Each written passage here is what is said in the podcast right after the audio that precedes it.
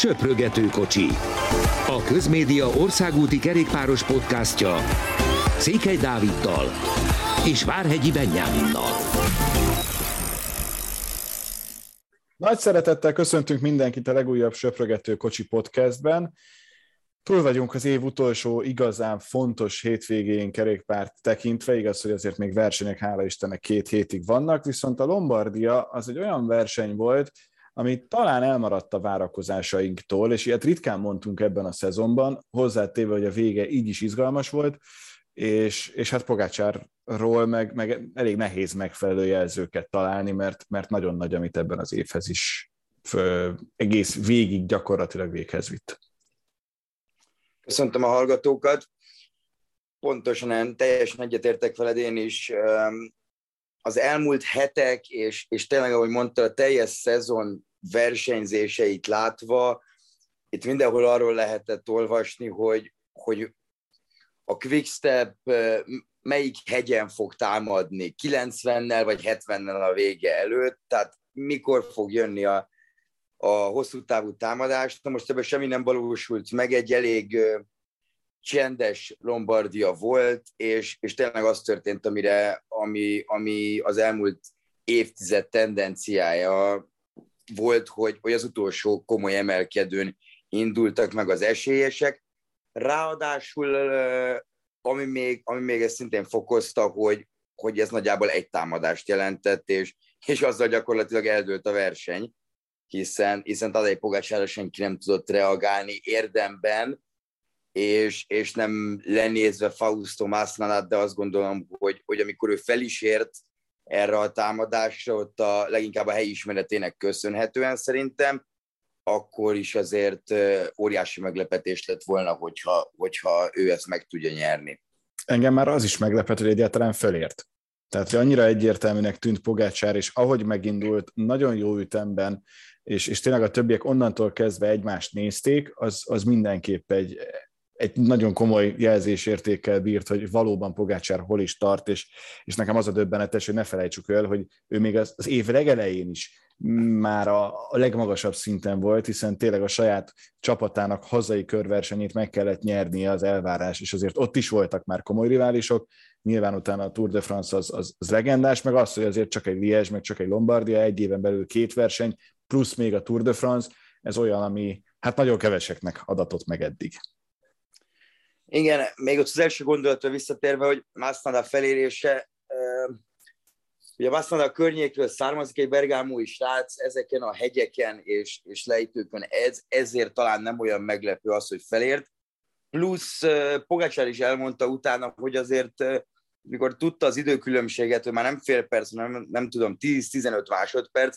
akkor már nagyjából hagyta is, hogy felérjen, tehát jóval kevesebb kockázatot vállalta abban a abban az elég technikás lejtmenetben ott a, a majdnem 20 hajtűkanyarral, azért azt, azt tényleg, hogyha ismeri az ember, akkor ott nagyon nagy előnyt tud,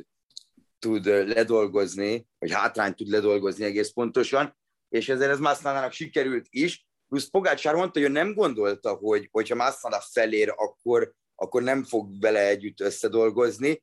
ami, ami ugye egy érdekes szituáció volt, hiszen Massana azért beforgott egy idő után, mikor felért Pogacsárra, egészen addig, amíg, amíg Bamati és a Quickstep kocsi nem jött, és nem szólt neki, hogy ezt felejtse el, tehát utazzon Pogácsáron, hiszen Alaphilipp még ott van a hátsó sorban, de hát ami a hátsó sorban zajlott azért, az, az elég megmosolyogtató volt, mert, mert tényleg ez a, mindenki ezt az alibi beforgást végezte hm. gyakorlatilag, és, és lehetett tudni, hogy ők biztos, hogy nem fognak felérni. Egy csapatból se voltak ketten ott, ha jól emlékszem, tehát az, az tényleg ilyen veszett fejszényele volt a részükről. De ha már ezt a sort szóba hoztad, azért itt mindenképpen meg kell említeni azt a Walter Attilát, aki a 12. helyen tudta befejezni ezt a versenyt. Én azt gondolom, hogy ez, ez egy olyan év lezárása egy Attilának, amire maximálisan büszke lehet, és lehet, hogy meg kellene nézni, hogy milyen olasz versenyek vannak, mert úgy tűnik, hogy neki valamiért ezek az olasz versenyek azok, amik a leginkább működnek. Én bevallom, nem is számítottam arra, hogy ennyire elő tud lenni, és, és ez mindenképp nagyon bíztató a jövőre nézve. Igen, ez egy fantasztikus eredmény. Én nem is ha jól emlékszem, talán magyar versenyző Monumentumon nem ért el még ilyen jó eredményt. És ez a 12 ez, ezt azért ne felejtsük el, ahogy, ahogy Attila is írta utána egy, egy posztjában, ez úgy sikerült, hogy, hogy Godúért dolgozott nagy részt. Tehát, hogy most képzeljük el, hogyha így saját magáért mehet, akkor még talán picit jobb eredmény is benne van, plusz azért ő támadott az utolsó emelkedőn, ott azon a kis macska köves bergámúi emelkedőn, fantasztikus eredmény, és mindezt úgy, hogy azért, hogy azért Attilának itt az utolsó hetekben, tényleg ahogy itt nézzük a versenylistát, mondjuk a Benelux kör óta, de mondjuk, hogyha még picit tovább megyünk, akkor a luxemburgi kör óta neki annyi a feladata, hogy, hogy Godut és Pinot segítse, és ez így volt ezen a négy-öt olasz egynaposon, de egyáltalán nem mehetett, nem mehetett magáért. Ez egészen fantasztikus, hogy egy, hogy egy ilyen hosszú és ennyire nehéz versenyt ilyen szinten tud bírni. Most azon gondolkodom, és itt van egy pici tartozásunk a múlt héten, hiszen Pák Barnát nem említettük a, a Rube kapcsán, sajnos nem ért célba, és nagyon keveset is láthattuk, de, de önmagában az, hogy nevezték óriási dolog, és a magyar kerékpársportnak szerintem, hogy Amblok nagyon komoly dolog, hogyha ha végignézzük, akkor az igazi nagy klasszikusokon gyakorlatilag végig láttunk magyar versenyzőt, vagy legalábbis ott volt a rajtlistán magyar versenyző, most fejben nincs meg, hogy mind az ötön, vagy, vagy mondjuk egyel kevesebben, de az, hogy, hogy, hogy igenis már itt tart a Magyarország úti kerékpársport, az, az nagyon nagy előrelépés szerintem, és, és remélhetőleg a, a jövőben nem csak, hogy, hogy lesznek rajtlistán versenyzők, hanem ilyen, ilyen Vajtar Attilához hasonló eredményeket is el tudnak majd érni. Igen, most előttem sincs pontosan, de Barnának azért, azért nagyon komoly versenyei voltak már tavaly is, meg, meg idén is, tehát ő kifejezetten jó ezeken, a, ezeken az egynaposokon, vagy hát legalábbis azt a szerepet, amit, amit a csapatarászán az, azt meg tudja oldani, nem véletlenül küldik el. Nagyon sokat versenyzett azért Belgiumban tavaly is, és, és az idén is. Itt Olaszországban pedig tényleg a Lombardián két indulónk volt, ugye Fetter Erik is, is ott volt e, ezen a versenyen, és ő is ott volt, illetve van még az, az olasz egynaposokon, ami, ami tényleg 21 évesen azért egy elég nagy dolog, hogy, hogy a Kométa és Iván Bászóig úgy gondolják, hogy akkor elküldik őt is egy, egy Lombardiára. Ilyen szempontból azt gondolom, nagyon jó helyzetben van a magyar kerékpársport, és akkor Dinamarciról még nem is beszéltünk, aki ugye már régebben befejezte a szezonját, egy, egy elég fránya betegséget sikerült összeszednie, ami után, ami után a csapat úgy döntött, hogy, hogy már nem éri meg azt a, azt a munkát beletenni, hogy, hogy ő folytassa ezt a szezont, és mondjuk nem tudom, teszem azt tényleg egy-két-három versenyre visszatérni, és ezért mindent belerakjanak, hiszen, hiszen inkább akkor nyugodtan meg tud csinálni majd egy szép alapozást, akár, akár novembertől, decembertől. Igen, és a következő év a Magyarország úti kerékpársport számára különösen fontos lesz, ezt azért ne felejtsük el, Ugye, csak tényleg azért, hogy, hogy a teljes igénye meg legyen, Kusztor Péter például a San Rémon indult, tehát ezért van az, hogy itt nem csak arról beszélünk, hogy van egy olyan emberünk, aki erős és minden versenyen ott van, nyilván ez teljesen lehetetlen is, de az, hogy, hogy tényleg vannak, akik el tudnak indulni ilyen versenyeken, korábban is volt magyar a, a Lies Baston Liesen, ez, ez nagyon-nagyon pozitívum. Szóval azért nagyon fontos a következő év, mert hogyha minden jól megy, akkor egyrészt már tudjuk a Magyarország úti kerékpáros körverseny időpontját, és az pont úgy néz ki, mint amikor két évvel ezelőtt is tervezték, hogy azok után, hogy van egy magyarországi nagy rajt, azok után egy pici pihenő, és már jön is a Magyarország úti kerékpáros körverseny, tehát gyakorlatilag másfél héten keresztüli top-top kerékpárosokat figyelhetünk, és nagyon magas szintű versenyzést, úgyhogy az lesz egy igazán fontos kerékpáros ünnep, és emiatt is fontos, hogy mindenki nagyon jó formában legyen, most függetlenül attól, hogy a végén majd hol indul, mert nyilván, ha Magyarországon van a rajt, akkor több magyart is hoznak el a csapatok, szerintem. Igen, ez benne van szerintem is, ráadásul tényleg, ahogy, ahogy látjuk a teljesítményeket, azért, azért nincs nagyon ok arra, hogy, hogy ne hozzanak magyarokat. Tényleg, hogyha ezzel számolgatunk, akkor, akkor Walter Attila azért abszolút bizonyított uh, Giro d'Italián, ennél, ennél jobban nem nagyon kell bizonyítani egyelőre, ahogy, ahogy ő tette. És, és azt hiszem, hogy, hogy a Kométa két magyarja, ugye, akiknek tudjuk, hogy, hogy biztosan van szerződés a következő szezonra a csapattal, azért bármennyire is erősít a Kométa, és és nem véletlenül vitték őt el egy, egy Giróra, ahol nem ahol egyáltalán nem szerepelt rosszul. Eriket pedig látjuk, hogy, hogy milyen bizalom van benne. Most itt főleg egy egynaposra, egynaposokra gondolok, de, de a Kométánál azt hiszem, hogy aki jól megy egynaposokon, vagy gyakorlatilag bármilyen versenyen, az meg fogja kapni a lehetőséget egy, egy Giron, mert, mert ugye a csapatnak egy, egyelőre az az egyetlen három hetese, és, és főleg azért ők is a fiataloknak adják a főszerepet. Ja, nagyon nehéz, mert, mert mostantól kezdve még egy-két hetünk van, ami jó, de utána tényleg jönnek a szűkösebb hetek, hónapok, amikor annak örülünk, hogy megmutatják, hogy milyen csapat milyen mezben szerepel majd jövőre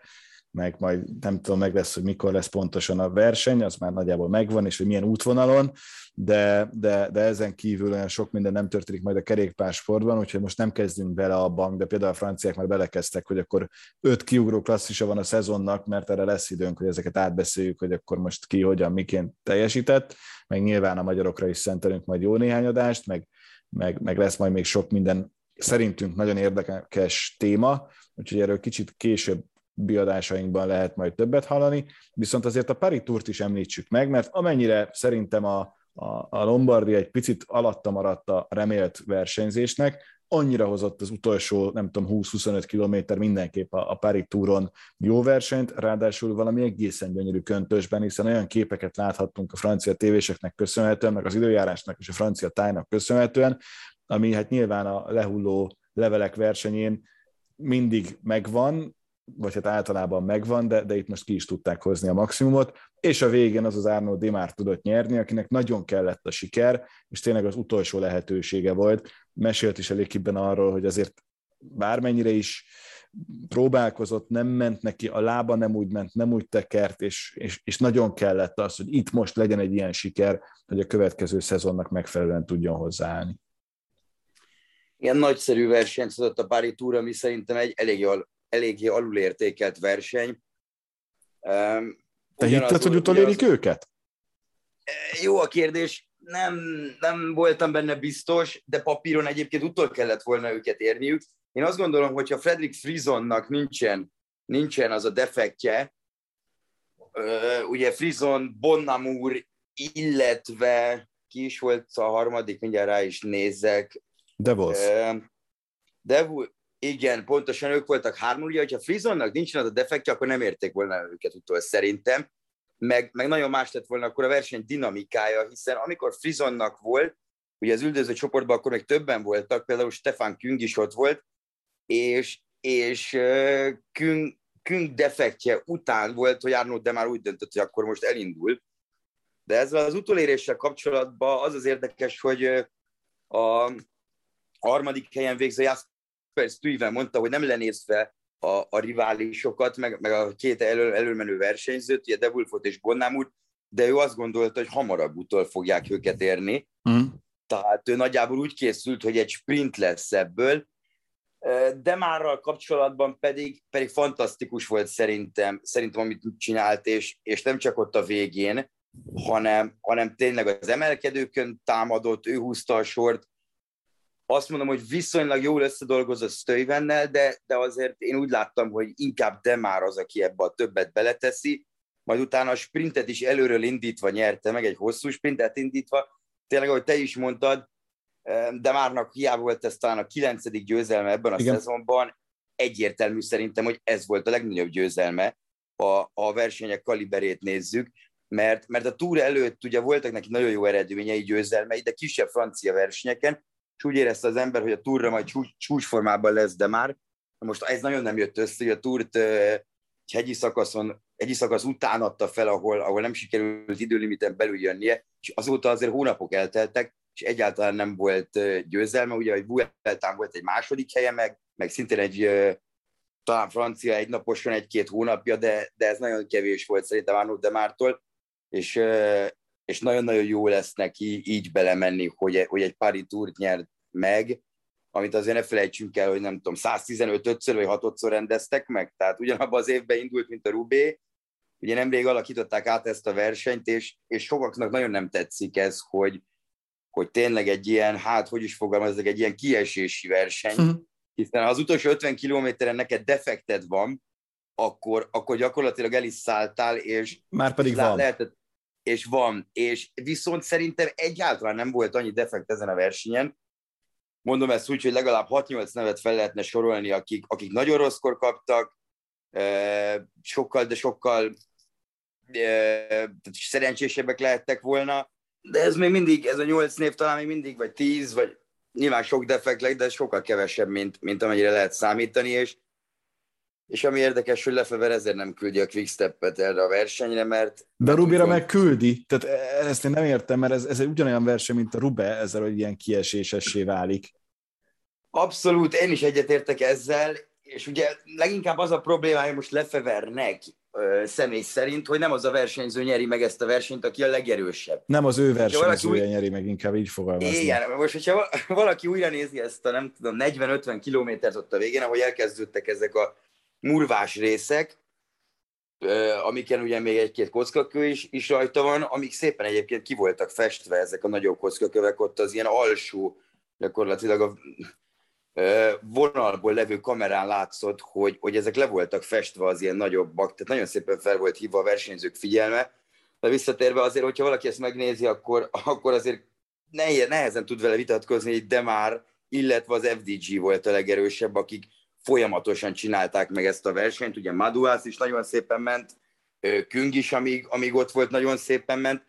tehát szerintem ez teljesen megérdemelt verseny volt. Én nem nagyon értem a kritikát a, a, a Pári túrral szembe,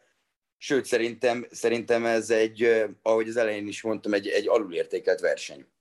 Igen, és jó, hogy még ilyenek is vannak ilyenkor, és lehet, hogy idő kell, amire meg, megszokják, mert azért tényleg van egy a Strade Bianca, a Paris Tour itt a szezon elején végén két olyan verseny, ami, ami sokkal komolyabb annál, mint amit, amit adott esetben sokan tartanak róla, de ez csak azért jó, mert még több versenyt látunk. Viszont azért van egy-két változás, amire sajnos itt az adás végén egy picit csak de mégiscsak hír föl kell hívni a figyelmet, mert van egy-két olyan csapat, amelyik megszűnik, van egy-két olyan versenyző, aki távozik, hogyha mondjuk egyet kell kiemelni, akkor az melyik lenne az eddig nyilvánosságra jutott és került hírek közül a te esetedben? Egyelőre komolyabban még, még azért inkább a csapatokkal foglalkoztam én, mert, mert tényleg nagyon-nagyon sok volt még a múlt héten is a verseny. Nagyon jó versenyek is voltak, és ezen a héten is még van pár. Itt most a Delco a legfrissebb hír, hogy, hogy megszűnnek, erről azért lehetett olvasni tavaly is, mikor, mikor ez a, a Nippo kiszállt mögülük, ugye az IF-nek most már a, most már a főszponzora, az egyik főszponzora, lehetett olvasni, itt nagyon, nagyon nagy gondok vannak, nem tudtak fizetni a versenyzőknek, érdekes, érdekes sztorikat lehetett volna hallani. Sajnos ők ugye azonnali hatállal megszűntek. Hozzátenném, hogy, hogy azért a Tour de Vendée nekik, nekik szombaton még volt egy második helyük Eduard Pradessel, itt egy top 10-es eredményük volt a, volt a Paris Touron, tehát legalább egy szép, szép véghajrá lett. A Kubekáról meg én személy szerint most azt olvastam, hogy, hogy még ennek nincs vége, de, de nagyjából ennek a héten el kéne dőlnie, ha, ha jól tudom a szabályokat, ilyen október 15-ig azért le kéne adni a, a főszponzori dolgokat. Az biztos, hogy ez a kriptocég, vagy, vagy nem is tudom, hogy hogy fogalmazzak, ami, a, ami ez a Next Hash, ugye névaló szponzor volt, ez biztos, hogy, hogy nem fog tudni annyi pénzt adni a Kubekának, hogy, hogy, hogy névaló szponzor legyen, max majd rajta lesz a mezen, de, de ez megint, megint egy ilyen nagyon nagy kapkodás lehet a Kubekánál, hogyha sikerül. Emlékszünk, hogy tavaly is hogy nézett ki a dolog, hogy aki még úgymond, és nem megbántva őket, mert egy viszonylag jó szezont futottak, azért emlékszünk, hogy nyertek két szakaszt, ha jól emlékszem, a Giron is, meg, meg tényleg voltak jó eredményeik, de ilyen lepattanószerűen hozták a versenyzőket. Ugye a legtöbb versenyző, nagyon-nagyon sokkal legalábbis már, már bőven elkeltek, bőven van szerződésük jövőre, és a Kubekánál négy-öt olyan versenyző van, aki, akinek még nem volt, vagy akinek volt jövőre szerződése, tehát ez megint, megint egy nagy kapkodás lehet, hogyha lesz, de, de azért mindenképp jó lenne, hogyha, hogyha Kubeka maradna, és hogyha esetleg úgy van, hogy, hogy nem élik túl ezt a, ezt a 2021-es szezont, vagy 2022 már nem tudják elkezdeni, akkor pedig ki az, aki fellép a World helyettük, hiszen hiszen azért nem minden csapat akar felépni a World Tourba, és most egyből az Alpeci jutna az ember eszébe szerintem, de ők viszont egyáltalán nem akarnak felépni hát nekik ez nagyon jól működik így. Mert, mert megint nyilván megnyerik a, a, a Pro Tour versenyt, a Pro Tour csapatok közötti pontversenyt, azaz megint olyan World Tour versenyre mehetnek, amire ők akarnak. De nem és muszáj mindegyik. Senki nem, és senki nem szólhat senki, semmit, így van, és nem muszáj mindegyikre. Ők szintén tökéletes helyzetben vannak. Ismét, a többi csapatot én meg nem érzem olyan erősnek, nem érzem Virtus szintűnek. Mondhat, lehet nekem mondani, hogy az Arkeával van szó, akik szerintem nagyjából hasonló típusú csapat fognak maradni, mint idén. A Total Energies nyilván róluk sokat fogunk beszélni itt a következő szezonban, meg, meg télen is, mert mégis a Péter Szagánék érkeznek, tehát ott nagy átalakulás van, azért rájuk kíváncsi lesz az ember, de, de egyelőre, még, egyelőre még azért keveset lehet tudni viszonylag ilyen dolgokról. Viszont lesz időn kifejteni. A mostani podcastünk viszont véget ért. Köszönjük szépen a figyelmet. Egy hét múlva is jelentkezünk, méghozzá egész különleges körülmények közül, de erről most még többet nem árulunk el. Érdemes lesz azt is meghallgatni. Sziasztok! Köszönjük, sziasztok!